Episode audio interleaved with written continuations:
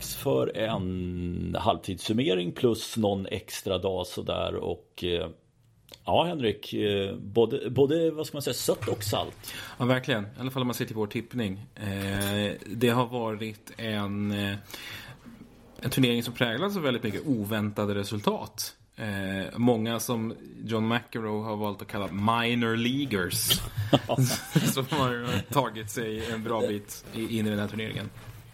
Ja, men det är faktiskt. Det, det, när vi liksom är framme i kvartsfinal så är det inte jättemånga oväntade namn.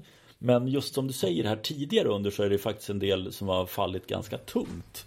Det är det och, och det, så har det varit redan liksom ända från start egentligen. Ja, Ja, verkligen. Så man har höjt på ögonbrynen. Men om vi egentligen bara, om vi börjar uppifrån så något som inte har fallit är ju Carlos Alcaraz som eh, ja, han har ju stormat fram, tappar förvisso ett set mot eh, Taro Daniel men, men i övrigt så är det ju en rak sträcka fram till kvarten. Ja men det är det ju verkligen. Eh, som sagt det där eh, förlorade sättet mot Daniel känns ju mer som ett olycksfall i arbetet. De övriga tre vinner han ju med 6-1, 6-1, 6-2. Vilket ju mm. säger allting om hans överlägsenhet i den matchen. Likaså mot Chapovalov. En spelare som ju ska vara glad att han nådde så långt egentligen. Med tanke ja. på hans form så här långt. Och som han överlever två tuffa matcher innan dess. Och sen så i början av matchen mot Musetti kanske man hade en liten känsla av, han tappade ju serven där i stort sett ganska omgående. Mm. Eh, hade ändå lite liten känsla av att oh, Musetti har kommit hit utan att tappa set, spännande, stort spel har han. Kanske kan bli, kanske kan bli lite spännande det här ändå, liksom. Lite match. Nej, det, nej, det blev det ju inte.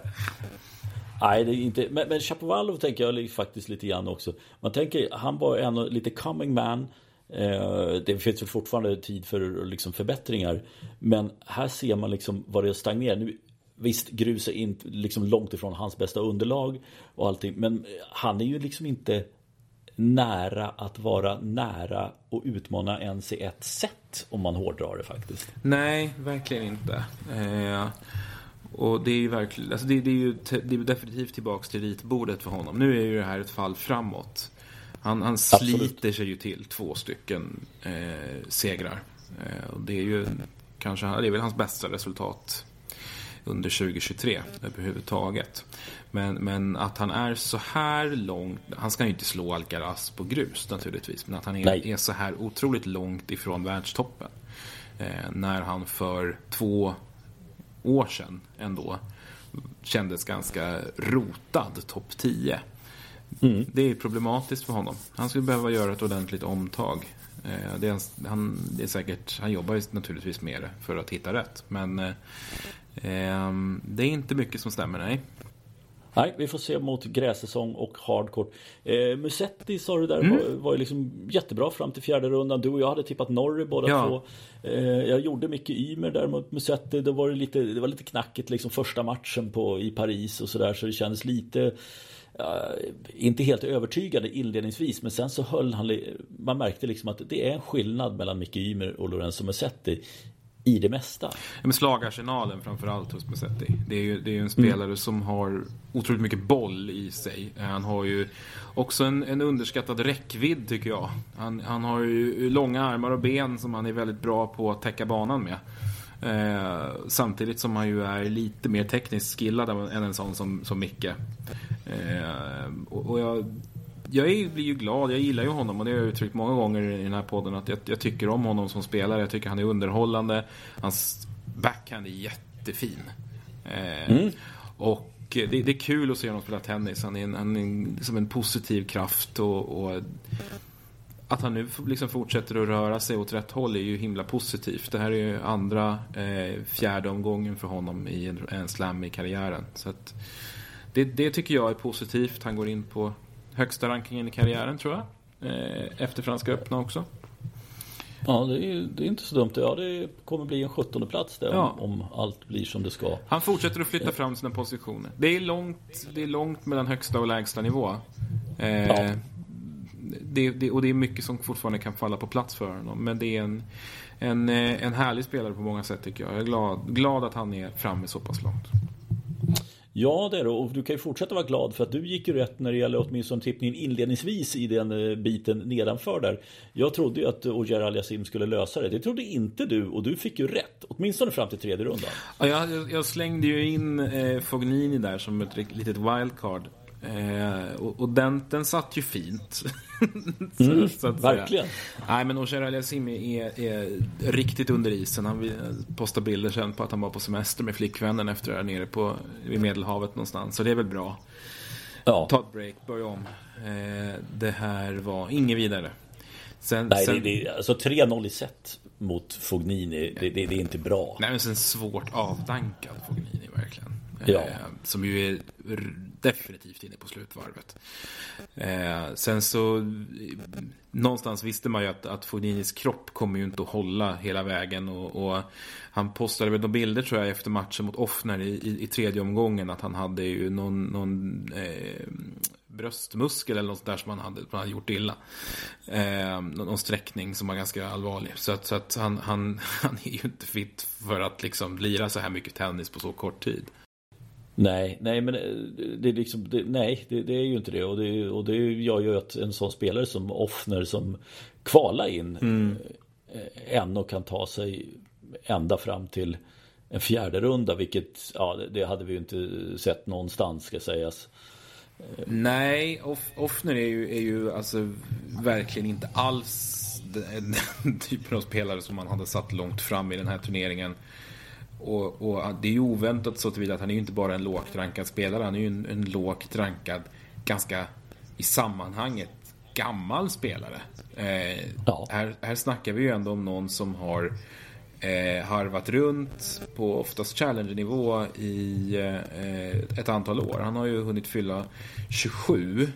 Eh, ja. så, att, så, att, han är ju liksom att jämföra med om, ja men typ om Elias Ymer skulle gå så här långt. Sen så har ju inte Offner heller den eh, liksom juniorkarriär att backa upp det med heller. Han är, han är ju inte den ansedda talangen heller. Utan, utan det, är, det är gnet i ordets rätta bemärkelse. Och timing och tur. Eh, ja. För det, det, får man ändå vara så pass tydlig med. Han gör en, han gör en, en fin insats mot Cressy tycker jag. I öppningsrundan. Ja. Och sen Korda är ju inte den Korda som han var när säsongen började innan han gick sönder. Tyvärr. I eh, de allra flesta fall så hade ju han naturligtvis tagit vidare till en tredje runda. Absolut. Och sen möter han en ganska, ganska slutkörd och fladdrig Fognini i tredje. Så att det, är ju, det är ju bara att tacka och ta emot. Alltså det, är ju, det är ju en lottning som man får en gång i karriären. Nu är det bara 180 pinnar och ett antal miljoner rakt in på kontot. Satsningen ja. för flera år framåt är säkrad liksom. Ja, nej men det, det är verkligen och det, man, Han är nog säkert jäkligt nöjd med att ha tagit sig så långt och som du säger liksom, det, det hjälper honom väldigt mycket i den fortsatta karriären. Mm. Eh, vi ska nog inte förvänta oss att se honom långt fram i många turneringar framöver. Det är kanske lite att ta i. Nej, det, det, det tror inte jag heller. Eh, visserligen var han väl uppe och tror jag toppa på sin högsta, högsta ranking karriären inför den här turneringen. Så han kommer ju bevisligen hit i bra form. Men det här är blott hans tredje Grand Slam-insats i hela karriären. Då ska man också komma ihåg att han faktiskt var i tredje omgången i sin första Grand Slam någonsin, Wimbledon 2017. Och också det är en jätteskräll. Så att av, tre Grand Slam-turneringar i karriären så har han alltså varit i fjärde rundan igen och i tredje igen. Så det, det, är ett, det är ett bra facit när han väl kommer in i alla fall. Ja, Ja, verkligen. Mm. Och nu tar han sig faktiskt in i Wimbledon eh, på egen ranking också. Det gör han och han kommer ju av allt att döma då förmodligen ta sig in i US Open också. Så att, eh, ja. Och kanske Australien sen, bara, bara farten i, i vinter. Så att eh, det här betyder naturligtvis hur mycket som helst. Så en häftig ja, resa för honom. Ja, verkligen. En häftig resa kanske lite att ta i. Men jag, jag, kan inte undgå att titta på Stefano Tsitsipas och hans lottning fram till kvartsfinal. Det är helt sanslöst. Ja. Alltså det, nu, nu krånglar han till det i första rundan mot Vesely och mm. håller på att åka dit på, och få en femsetsmatch. Mm. Löser det. Men sen efter det så är det ju liksom Carbajs Barena har ju inte de liksom, vapen för att slå honom. Diego Schwartzman, det var, det var ju liksom... Nej men det, det, det, är inte... Nu var det roligt att Diego fick vinna två matcher, men det finns ju liksom ingenting. Det finns absolut ingenting som kan göra att Argentina skulle slå Tsitsipas. Nej, nej alltså vad, vad gäller liksom tennisspel i stort så är det så enormt mycket som skiljer dem åt. Det skiljer liksom inte bara 25 centimeter i längd. Det skiljer, det skiljer liksom så otroligt mycket tyngd och kraft och finess. Alltså Schwarzman har ju i, i takt med att hans liksom, spel har kraftigt försämrats blivit liksom en, en ren bollmotare. Alltså det, ja. det är liksom mer Sara Errani stuk. Ja. Han älgar fram och tillbaka längs baslinjen och motar tillbaka boll. Eh, ja. Det är det han får göra mot en sån här spelare som Tsitsipas. Så att, nej, du har rätt. Det är en, det är en eh, ofattbart tacksam lottning. Och Schwarzman å andra sidan är säkert jättenöjd med att bara ha vunnit två matcher. Eh, han behövde dem. Ja men verkligen. Eh, vi, flyttar vi ner där och så tar vi nästa tårbit. Och där hade vi ju helt rätt med en Djokovic och Davidovic Fokina. Och vi sa ju det att är det någonstans han sätts på prov? Ja, det var faktiskt mot spanjoren som Djokovic. Han, det är i alla fall två tiebreak-set och en eh, lite småirriterad Djokovic under den matchen också. Eh, men bortsett från det och fram till kvarten för Djokovic i fjärde rundan är, det är ju en skrattmatch, vi kommer till den. Men, men Djokovic känns inte som att han har blivit, ja, han blev lite testad av, eh, av Davidovic Fokina. Men än så länge så är det det närmsta ett test han har kommit. Ja, precis. Han, han går lite på halvfart mot Kovacevic i, i öppningsrundan. Fuksovic har ju ett spel som liksom inte alls passar mot Djokovic. Eh, han är ju lite av en fin lirare. Lirar lite, mm. Han lirar lite, ja, men lirar lite snyggt, men, men liksom inte är ju inte den som sliter sig till segrar direkt. Eh, och det måste man vara, vara benägen att göra för att kunna vinna mot Novak. Eh, ja. Sen precis som du säger, Davidovic Fokina gör en bra match. Eh, det går inte att säga annat om det. Eh, och sen så superskrällen då, Varias i, ja. i eh, en åttondel. Och då har ju han redan gjort sin, han har ju egentligen gjort två alldeles enastående, eller ja, tre får man ju egentligen säga. Eh, alldeles enastående insatser. Han kommer från tre femsetare peruanen. Oh. Eh, och, har, och har vänt 0-2 till 3-2 i två av dem. Eh, en den ena mot Roberto Bautista Agut. Ja. Det är... Och, ja. Eh, det, det, är faktiskt en konstig genomklappning tycker jag av Bautista Agut. Även om vi liksom, han svajar ju mycket mer nu än vad han gjorde för ett par säsonger sedan. Men med 2-0 i set mot, mot Varillas Ja men det, det, ska han stänga liksom. Det, det, ja, det, det, är märkliga siffror sen också. Man vinner 6-3, 6-1, 6-1. nu ska jag i ärlighetens namn säga att jag såg inte den matchen så jag kan inte säga om det var någonting som påverkade spanjoren där. Nej, jag, jag satt inte heller bänkad framför just den matchen, ska jag vara ärlig och säga. Um, ja. men, men sen att han följer, orkar följa upp det med att också kämpa ner Hurkacz. Ja. Um, det, det, tycker jag, det, det, är ju imponerande. Så, så jag fattar att kraften är, liksom sinar mot, mot den världens genom tiderna bästa tennisspelare. När man kommer fram i en åttondel. Då kanske man känner att man har gjort, någonstans i bakhuvudet i alla fall, upplever att Nej, men nu har jag väl ändå gjort nog. Liksom. Ja, och plus, plus att han kommer in och får spela liksom på de stora arenan också. Så att, eh, nej, det är all heder till Varia som, som gör en fantastisk turnering. Lite Offner-likt. Eh, nu är han väl han var faktiskt i semi där nere i, i Buenos Aires tror jag det var. Mm. Han är också 27 år. Men det, det, är lite liknande resa. Jag är svårt att se att han upprepar den här grejen nästa år. Ja, det får man väl ändå säga. Eh, de, som, han, han, borde ju rimligen vara i sin prime nu. Han får ett ordentligt rankinglyft här i alla fall. Så att eh, det här kan han, är också en sån som precis som Offner kan, kan eh, leva ganska gott på det. Eh, prognosen som det ser ut nu är väl att Varias går in runt från 76 till 60 på världsrankingen. Offner ja. lyfter från 118 till 80. Ja, eh, ja det gör ju också en, en, ändring i schemaplanering och sånt också. Ja, men det måste man, får man väl ändå säga. Alltså, eh, de här killarna behöver ju nu plötsligt inte spela, kanske inte spela Challengers i sommar. Eh, utan framförallt Offners steg där att gå från runt 120 till 80. Mm. Det är ju det, är ju det svåraste att ta. Mm. Eh, och, och, det absolut viktigaste. För att då, med en sån ranking så är det ju inne i de absolut, absoluta merparten av ATP-turneringarna.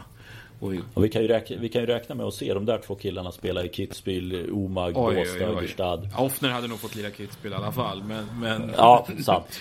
men, men, men nu, nu, kan de ju, nu kan de ju planera utifrån det. Nu kan de ju liksom lira varje vecka.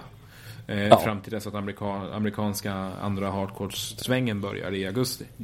Mm. Eh, så att, eh, ja men det är kul för dem. Nu finns det liksom...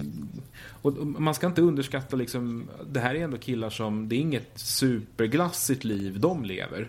Eh, om, om man liksom... Visst, visst, Varias har väl kanske verkat på en lite högre nivå än Offner.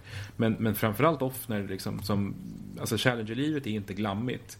Det ska ingen komma och påstå. Och, och, det, är inte, det är inga extrema marginaler man har att jobba med där.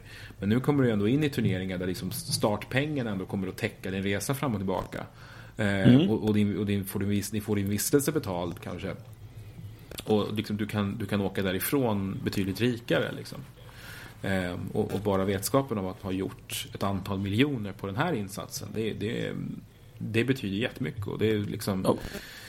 Jag, Man måste släppa lite, lite press och sådär ja. också.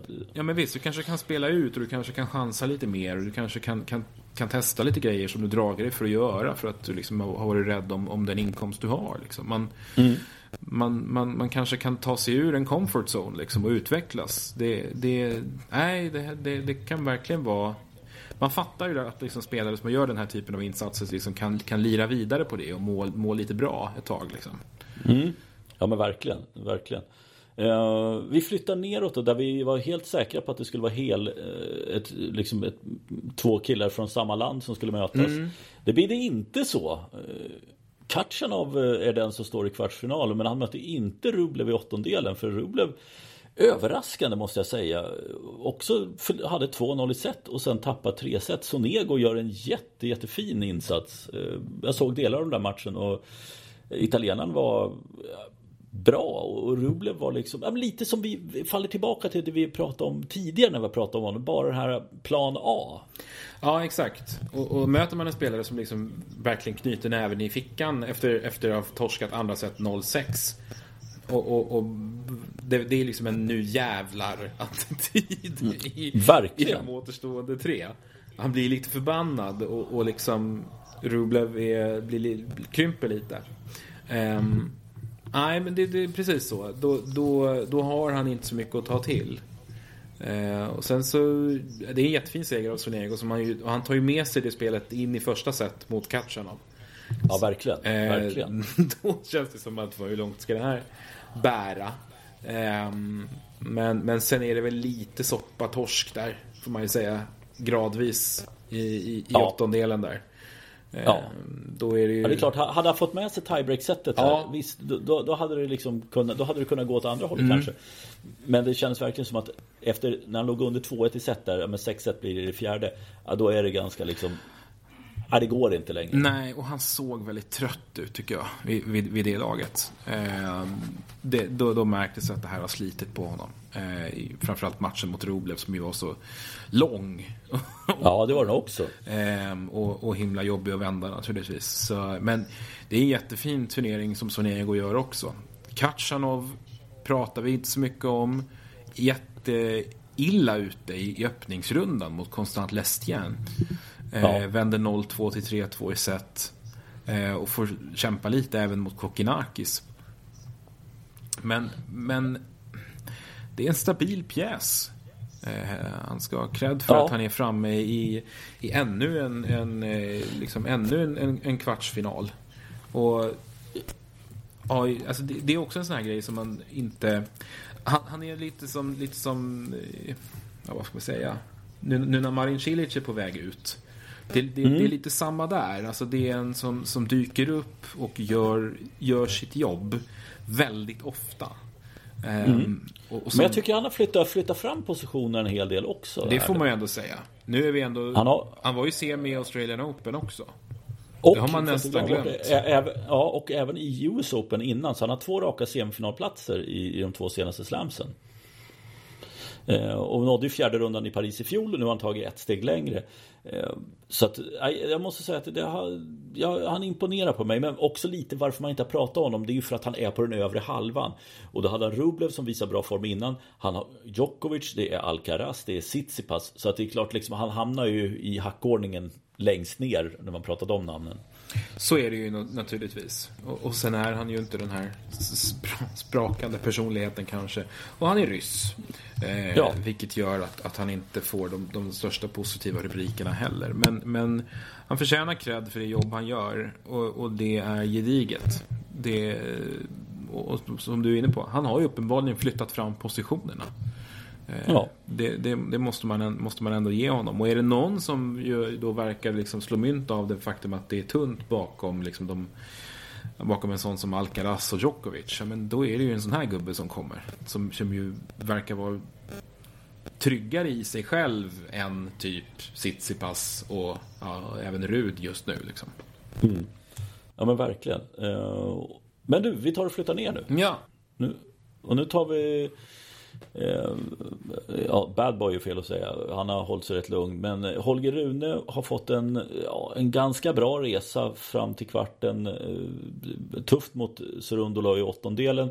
Jag tror du och jag hade Fritz om jag inte missminner Vi hade Serundola i tredje men det var Fritz som vi satte fram i fjärde.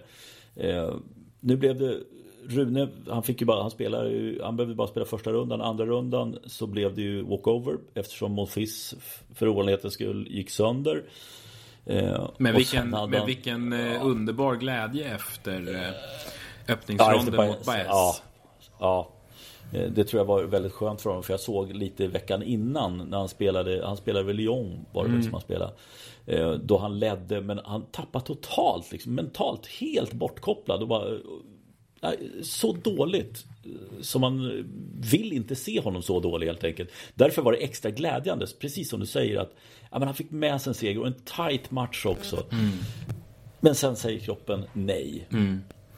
Ja, det betyder nog mer för honom det här än vad man, än, vad man på förhand förstod. Eh, mm. Att, att, visa att man kunde leverera på den här nivån igen då. Eh, han, han fyller ju, om man inte redan har fyllt, 37 i år, Gael Monfils. Ja. Eh, längden på den här karriären är ju, är ju rysligt imponerande faktiskt. Han har väl varit igång på den här nivån typ lika länge som Rafael Nadal som är jämn, jämnårig. Ja. Slog igenom extremt tidigt. Ehm, och det blir ju en, en, Han inser naturligtvis att han är inne på sista varvet. Och det blir ju en lite gråare och tråkigare tour utan Gael Monfils. Ja, så är det faktiskt. Det, det, måste man säga. Man kan vara irriterad på honom för, för mycket spektakel. Men han har ju skänkt så mycket glädje. Och okej, okay, nu har han inte kastat in handduken än. Men jag undrar om det inte är väldigt nära att det inte går längre helt enkelt. Ja, blir det inte i år så blir det garanterat nästa år. Ja, så är det. Eh, men Serundolo tar sig en fjärde runda ska vi säga också och gör en jättefin insats mot Rune och pressar honom ända fram till match tiebreak där det blir förlust 10-7. Mm. Eh, ja, men, jättebra, det är ungefär det jag kan säga. Verkligen, och där har vi också en, en spelare som när vi pratar om att flytta fram positioner. Ja, ja. Eh, vi har ju liksom sett punktinsatser från honom som har varit väldigt imponerande genombrottet där i, i, i eh, Buenos Aires 2021 till exempel. Där han kände som att han kom lite från ingenstans. Men gradvis så, så flyttar han fram och han har ju, han har ju liksom en fin benägenhet att, att vinna, vinna matcher och vinna, vinna stora matcher och slå bra spelare. Det finns en, någon slags, jag inbillar mig i alla fall det, att det finns lite killer instinct i honom. Han går inte ut mot Holger Rune och är rädd för att torska den matchen. Det, det känns mm. inte så. Inte Nej. heller mot Taylor Fritz. Um, så att, och det tycker jag, det räcker med att titta liksom på, på hans, jag brukar tjata om finalfacit, jag ska göra det igen. Uh, om man kollar liksom på vad han har för jag fastnade lite för eh, hans eh, finalfacit på eh, Future Challenger Tour. Ja, det ser riktigt, riktigt bra. 13-3. Ja. Det... det är det, man, man, kan säga vad man vill om, om den nivån. Men, men det... Att när man har kommit så långt eh, verkligen ge järnet och, och sopa hem det också. Det är... Eh, nej, det, det, säger någonting om, om en spelares karaktär, tycker jag. Ja, ja men jag håller med. Jag, jag, också, jag tycker att han... Eh, och framförallt eh, liksom när han rullar på. Båstad gjorde han också otroligt bra förra året när han vann sin hittills enda titel på, på touren. Men det var, det var så. Och sen när han följde upp det och fortsatte spela bra veckorna efter där också. Så att, och, och sen som du sa, liksom, sen har det varit liksom nedslag där han har varit riktigt bra efter det också. Så att nej, ja, det, det där är, det, han är ganska kul gruvspelare mm. att titta på mm. tycker jag också. Verkligen. Vad känner du för Holger Rune? Eh, jag tycker att han har taggat ner lite grann i år. Eh, och hans approach här i Paris har sett bättre ut tycker jag än vad jag sett honom tidigare. Eh, en, en, en mer, vad ska man säga, lugnare eller mer känns inte lika ung och valpigt odräglig. Utan skalat bort den biten. Jag vet inte om Moratoglu har varit inne och, och, och fått styrsel på honom. Nå någonting, jag upplever också att det finns lite, ett lite mognare uttryck runt mm. honom. Eh, men sammantaget. Sen, sen, sen är jag lite nyfiken å andra sidan på vad det är för spelare som, som kommer fram här nu i, i kvartsfinalen. Med tanke på eh, vem det nu är som kommer att stå på andra sidan. Eh, vi återkommer till just det. Mm. Eh, men eh, ja, vi, vi tar en liten cliffhanger på den och så berättar vi vem det är och det vet ju alla som följer det här också. Det blir ju Kasper Rud, så det blir en reprismatch och Kasper Rud Jag vet inte, vi hade ju honom framme i fjärde rundan mest på att han hade inte så mycket motstånd egentligen. Nej. Det var ju han själv. ja, exakt. Nej, han har inte överdrivet mycket motstånd. Han, eh, glädjande nog får vi ju in Elias Ymer i, i huvudturneringen ja, som gör ett ruggigt bra kval. Framförallt sista omgången där. Eh, sen har han ju inte mycket att sätta emot Kasper, vilket ingen hade väntat sig heller. Eh, men Rud, Ruds första tre omgångar är ju egentligen inte superduper imponerande. Han gör det som krävs Nej, det det. mot relativt beskedligt motstånd. Han slipper ju van de Sandskulp till exempel. Eh, mm. och ställs istället mot eh, Sepieri och eh, Chang. Chang. Och det, och det, och det, är ju, det är ju motståndare som han ska överkomma relativt bekvämt. Och det gör han. Ja, ja. Han släpper ju set i båda matcherna men han tar sig vidare på att han är mer konsistent. Ja, han är mer sammanhållen och, och, ja. och bättre överlag. Bara. Ja, och i fjärde rundan så får han Jari. Där var ju faktiskt så att där, gick vi ju rätt båda två. Mm. Men det var väl kanske inte någon superskräll. Och att Struff sa vi att det kan vara fågel eller fisk. Det blev fisk. Eh, för han åkte ut direkt. Eh, och sen Giron tar sig tredje runda. Jari följer upp sin fina vecka veckan innan mm. med att ta sig till en fjärde runda. Det är ju verkligen bara snyggt jobbat. Ja, han, han har en, en, fin förmåga att plocka de här poängen. När man tycker ja, att han är på nedgång. Ehm, och, eh, nej, det är starkt gjort. Ehm, klättrar in topp 30 här nu, förmodligen. Nästa vecka. Inte dumt. Eh, flyttar vi neråt så är det en kille som har varit topp 30 under många år även om han har snubblat ut där också. Grigor Dimitrov tar sig fram till en fjärde runda. Mm. Det såg vi inte riktigt komma. Nej. Eh, han, han eh, vet inte, är han stärkt av eh, att han får, får, spela i nya fina kläder kanske? Eh, har ju bytt, ja, bytt eh, leverantör från, eller ja, han har väl förmodligen dumpats av Nike får vi anta. Och, och hamnat hos Lacoste istället. Japp, eh, snygga kläder även om de har varit lite blåsväder här under i och med att de fortfarande säljer kläder i Ryssland. Ja, och eh, sponsrar Medvedev också. Just det. Eh, så det har, det har varit eh, ja, en, en, del skriverier kring dem. Men, men som jag såg någon var inne, jag kommer inte ihåg vem det var nu på Twitter, som var inne och eh, eh, skrev att en det är bra att ha en sån som Dimitrov i sitt stall. Han för liksom med sig en är av liksom lite ja, men, Eh, han, han, har ju lite Federer-manér ändå. En, någon slags ja, världsvan aura. Han omger sig ju med eh, fin, fint folk. Ja men och, och han, han har ju faktiskt han har ju också en väldigt sympatisk spelare både på banan och på sidan av banan. Så att det, det är, nej men det, det, det är ett bra val av klädleverantören att söka sig till Dimitrov även om han liksom har passerat Zenit i sin karriär. Verkligen, det har han ju verkligen gjort. Men mm. eh, ja, den här den fjärde omgången är nog, eh, kommer nog inte komma överdrivet många fler i hans karriär.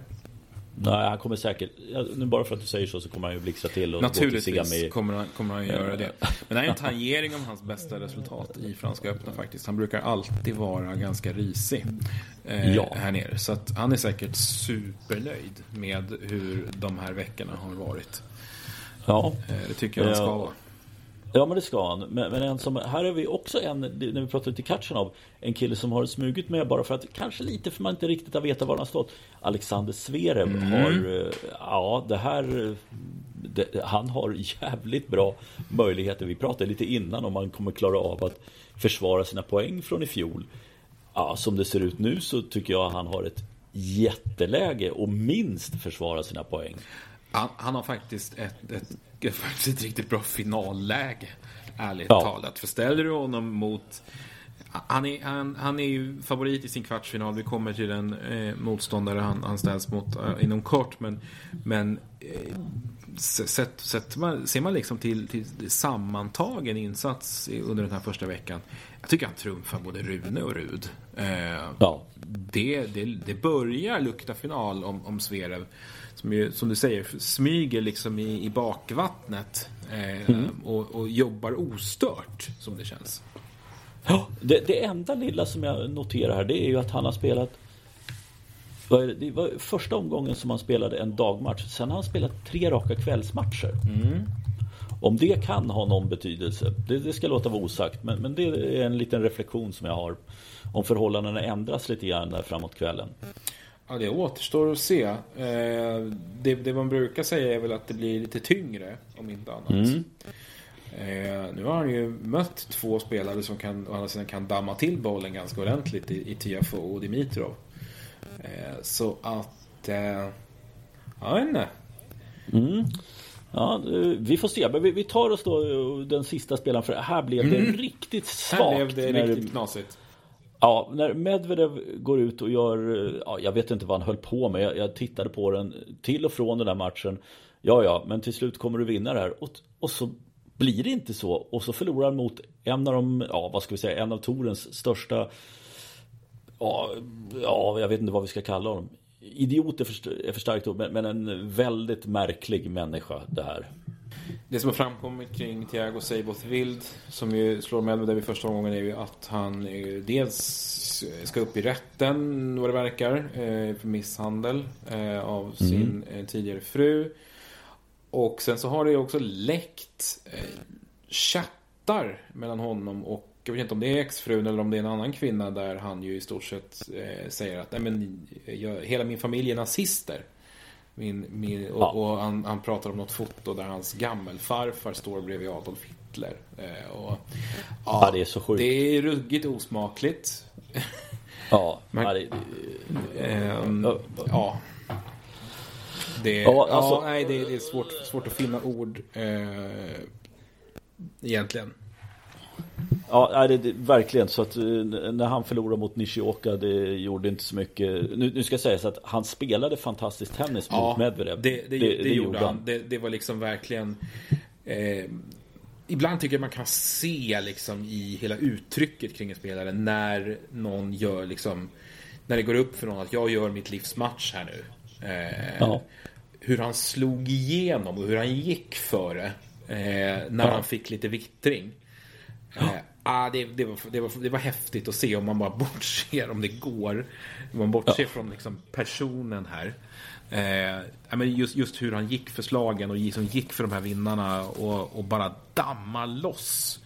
Och, och tog chansar på så mycket. Det var inspirerande. Verkligen. Ja, verkligen. Men resan tog slut i tredje om. Nishioka stod för motståndet där. Och Nishioka, japanen, tog sig till fjärde rundan. Det är väl vad Nishikori mäktar med också under sin karriär. Ja, vi brukar inte se japanska spelare så här långt fram i franska. Nej, verkligen inte. Eh, och Echeverry, eh, en argentinare mm. som slog ut Borna Choric i tredje. Vi hade ju Choric framme i en fjärde runda. Det hade vi. Jag blev lite förvånad där. Jag vet inte om soppan tog slut för Choric. Jag såg inte den matchen måste jag ärligt namn säga. Ja, då är vi två. Jag, jag, har inte heller gjort det. Men här har vi också en som liksom flyttar fram eh, positionerna och som liksom mm. ser, en, ser en liten lucka och, och, och tar den. Eh, Etcheveri i, i eh, motsats till eh, Serundolo som vi pratade om har väl kanske inte riktigt någon, tycker jag, någon liksom killer instinct. Han är mer liksom en gedigen grusarbetare. Liksom. Eh, mm. Men, men, han blir gradvis bättre hela tiden och han har två ATP-finaler eh, i år. Så att en, en, en framskjuten placering i en sån här turnering borde väl kanske inte vara någon jätteöverraskning då. Eh, och ja, det, det, det är ju matchen mot Choric som är, som är den som är absolut mest imponerande. Ja, det, det är faktiskt, han är, han är 23 år gammal och, och, eh, men han är ju ganska reslig herre som eh, nästan är uppe på två meter, var 1,96 är han tror jag. Så att det, det, är, eh, ja, det är en bra räckvidd på honom och har gjort det jättebra. Och då tycker jag vi, liksom, vi tar direkt här. Men nu tar väl resan slut för att jag har ändå svårt att se att han ska kunna matcha Sverev med Sverevs tyngd. Såvida inte eh, tysken får totalfrossa och gör 22 dubbelfel eller något sånt där. Det är det enda möjligheten jag kan se det. Ja men precis, jag, jag håller med. Antingen hans kropp eller att hans serve ska klappa ihop fullständigt. Eh, det, det, är ju liksom Echeverries eh, chans i det här. Men, men rimligen så kommer ju Zverev att hålla ihop det. Ja, och då, då är det Zverev i semifinal. Ja. Så enkelt är det ju. Sen då? Ja, Ja, sen då? Sen kommer den här matchen och det är som sagt, vi vet ju alla vad som hände i fjol. Där det var ganska hetsk stämning både på och utanför plan. Eh, men i det här fallet så är jag beror, lite beroende på hur mycket kraft det tog för Rune att vinna mot Serundolo. Men jag tror faktiskt att det är dansken som har blivit bättre och bättre under den här säsongen, eller egentligen började redan förra året. Eh, jag tror att eh, Rune är min man för en semifinal. Jag tror ju egentligen som du, men jag blir bara lite sugen på att säga emot. Eh, det, det, log, ja. det, logiska valet är ju Rune, men samtidigt så, så, så, så det finns en liten, liten uppåtgående formkurva hos Rud sista veckorna. Eh, och mm. han är ändå framme här han, han slog Rune här i fjol. Eh, och har den här finalplatsen från förra året eh, bakom sig. Ah, jag vet fan, jag, jag säger Rud. Eh, ja, jag, jag, jag, är liksom inte det är inte så att jag är bergsäker på Rune. För att just för mig är det precis det du säger. Om jag skulle ta Rud så är det just det att han har varit här förr. Han vann här i fjol. Han har varit i final. Han har kommit så här långt in i turneringen. Alltså borde han bara bli bättre och bättre. Mm. Eh, och just den här rutinen att ha varit där, där, tidigare. Ja. Och så lite mindre tid på banan än vad Rune har haft. Eh, ja. I alla fall i, i senaste matchen. Så att Ja, nej, jag bara, jag bara lutar åt, åt Rud nu. Eh, kanske mm. lite irrationellt, men, men nu kör vi på det. Ja, eh, och, och då har du Rud och Zverev i en semifinal. Ja. Vad går du då? Där, där går jag för Zverev. Ja. Eh, och jag får faktiskt... Nej, jag, då ska jag gå emot dig då bara. Att mm. Rune, Rune liksom lever på moln efter att tvåla till Rud i kvarten. Så att han, han tar sig till sin första Grand Slam-final. Ja, det vore spännande. Det, det, var väl någonstans det jag, jag kände, ja, jag hade nog lutat åt Rud inför på den mm. halvan. Eh, men, men, eller förlåt, åt Rune på den halvan. Men eh, eh, nej, jag, avviker från spåret. Jag, jag, eh, Zverev känns det, det, det är liksom första gången på så oerhört länge som, som in, han in, jag upplever inte att det finns så mycket press på honom. Eh, Nej, jag håller med. Jag håller med. Så här långt. Och det känns som att det, det, det kan vara en enorm lättnad just för honom. Ja, ja men verkligen. För det var så mycket snack om honom de senaste åren på att han skulle fram och ta den här eh, första slammen och var ju nära men lyckades aldrig. Nej. Så att, ja, nej men det, det, är inte alls dumt. Flyttar vi uppåt ett snäpp då på den övre halvan så har vi Djokovic och Kachanov och eh, Alltså, även om ryssen är tung och har spelat väldigt bra så Ja men Djokovic är bättre. Och vi har sett ganska lite av de här armbågsproblemen i förhållande till vad man hade trott. Mm. Ehm, det är ju en armbåge som ska stoppa Djokovic i en sån här match. Ehm, ja. Bara det egentligen. Ehm, jag gillar, jag gillar Kachanov, jag gillar liksom det han står för. Men, men eh, Djokovic är för, för bra. Semifinal ja, blir det. Ja, mot den här typen av motstånd så känns det som att Djokovic för mig har rätt bra kontroll mm. på vad, vad, som ska hända. Jag vet inte vad, vad det inbördes de två emellan. Om jag ska ta en snabb koll på det.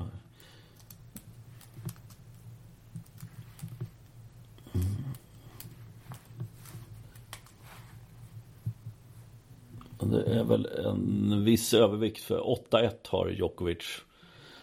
Så att det, ja. Och de har mötts på grus vid några tillfällen här också. Eh, men det är som sagt, det var första mötet de två emellan. Det är 2018. Ja, det var i Paris också när, i finalen där som Kachanov. Det är hans enda seger. Så att, nej, men jag är helt med dig. Djokovic, det, det är Djokovic där. Och i semi så kommer han, ja, jag, jag tror ju att Alcaraz eh, klarar av Tsitsipas. Det har han gjort tidigare och jag tror att han kommer göra det igen. Eh, där är det någonting också. Tsitsipas har ju den här, som det har pratats liksom lite surr om, att oro i boxen. Mm. Eh, det upplever man ju inte riktigt hos Alcaraz. Där känns ju eh, Ferrero som en oerhört trygg punkt. Ja, verkligen. Med sig. Det är säkert superskönt med en tvåfaldig Franska öppna mästare. Eh, i, eh, i sitt sällskap där. Jag, jag, jag, tror att det kommer bli en ganska tydlig seger i kvartsfinalen mot Alcaraz. Och så har vi den moraliska finalen sen i semifinalen känns det som. Ja, men jag håller med där. Eh, men, men här har jag jäkligt svårt. Här, här kommer jag... Nu ska du få tippa först och så ska jag få kontra. Får jag ta det som blir över? För jag kommer tippa emot vad du säger nu. Ja, men jag, jag väljer ändå Alcaraz. Ehm, men, men det är inte med någon, någon jätteövertygelse. För att jag, jag, tycker att Djokovic har sett bättre ut än vad jag trodde att han skulle göra. Eh, mm. Jag trodde att den här armen skulle spöka mer för honom. Och att han skulle tappat fler set längs vägen än han har gjort. Ehm, jag tycker ändå att han upplevs ganska samlad. Vilket ju är ett ganska tydligt tecken på att han mår ganska bra. Sen exakt Sen kanske han bara är bra på att skådespela och, och, ja. och, hålla det här ifrån sig. Det vet jag inte. Det, det, kan vara så att vi bara når en punkt där, där han liksom inte orkar hålla emot här, de här smärtorna som han uppenbarligen har eh, längre. Um, och, och då, då, kan det rinna iväg ganska snabbt för Alcaraz. Men, men eh, som det ser ut nu med, med, med, med tanke på det vi vet och det vi har sett tidigare i turneringen så känns det som att det kan bli en riktig jäkla långkörare här nu. Ja, fyra timmar och 22 minuter i alla fall. Mm. men, men, men, en avgörande faktor som man inte ska ja. underskatta. Publiken kommer att vara på Alcaraz sida. Ja, det kommer de vara. Eh, när Nadal inte är här så kommer de sätta sin, sitt hopp till honom istället. Eh, jag tror att det är väldigt mycket supporterskap som bara överförs rakt direkt på Alcaraz. Eh, och Djokovic är ingen favorit här nere. Eh, Nej, och, och, tyvärr. Ja, tyvärr. Eh, och det, det, det har varit en faktor tidigare för honom. Ja. Det har varit vissa tillfällen då han bara inte har brytt sig att liksom, men, men hata på mig då. Jag är bäst mm. ändå. Men i en del avseenden så, i, framförallt mot, mot vissa spelare, mot Federer till exempel, eh, så har det ju gjort honom illa. Eh, och jag utesluter inte att det kan bli ganska definitivt just den här icke-kärleken mot en spelare som Alcaraz som kommer upp så ung. Ja, det, det, det är ju det. Det är ju the new kid liksom. Ja, precis. Eh, och då blir Djokovic den gamla som man vill få bort. Så att, ja, men jag, jag fattar. Jag, jag, tänker då, då, då vänder jag på det och säger att det blir tändvätska för honom. Mm, att bra. visa publiken att sätta honom på plats här. Så att, nej, och då säger jag Djokovic och eh, Djokovic Rune sa jag ju. Mm, och jag säger Alcaraz Zverev.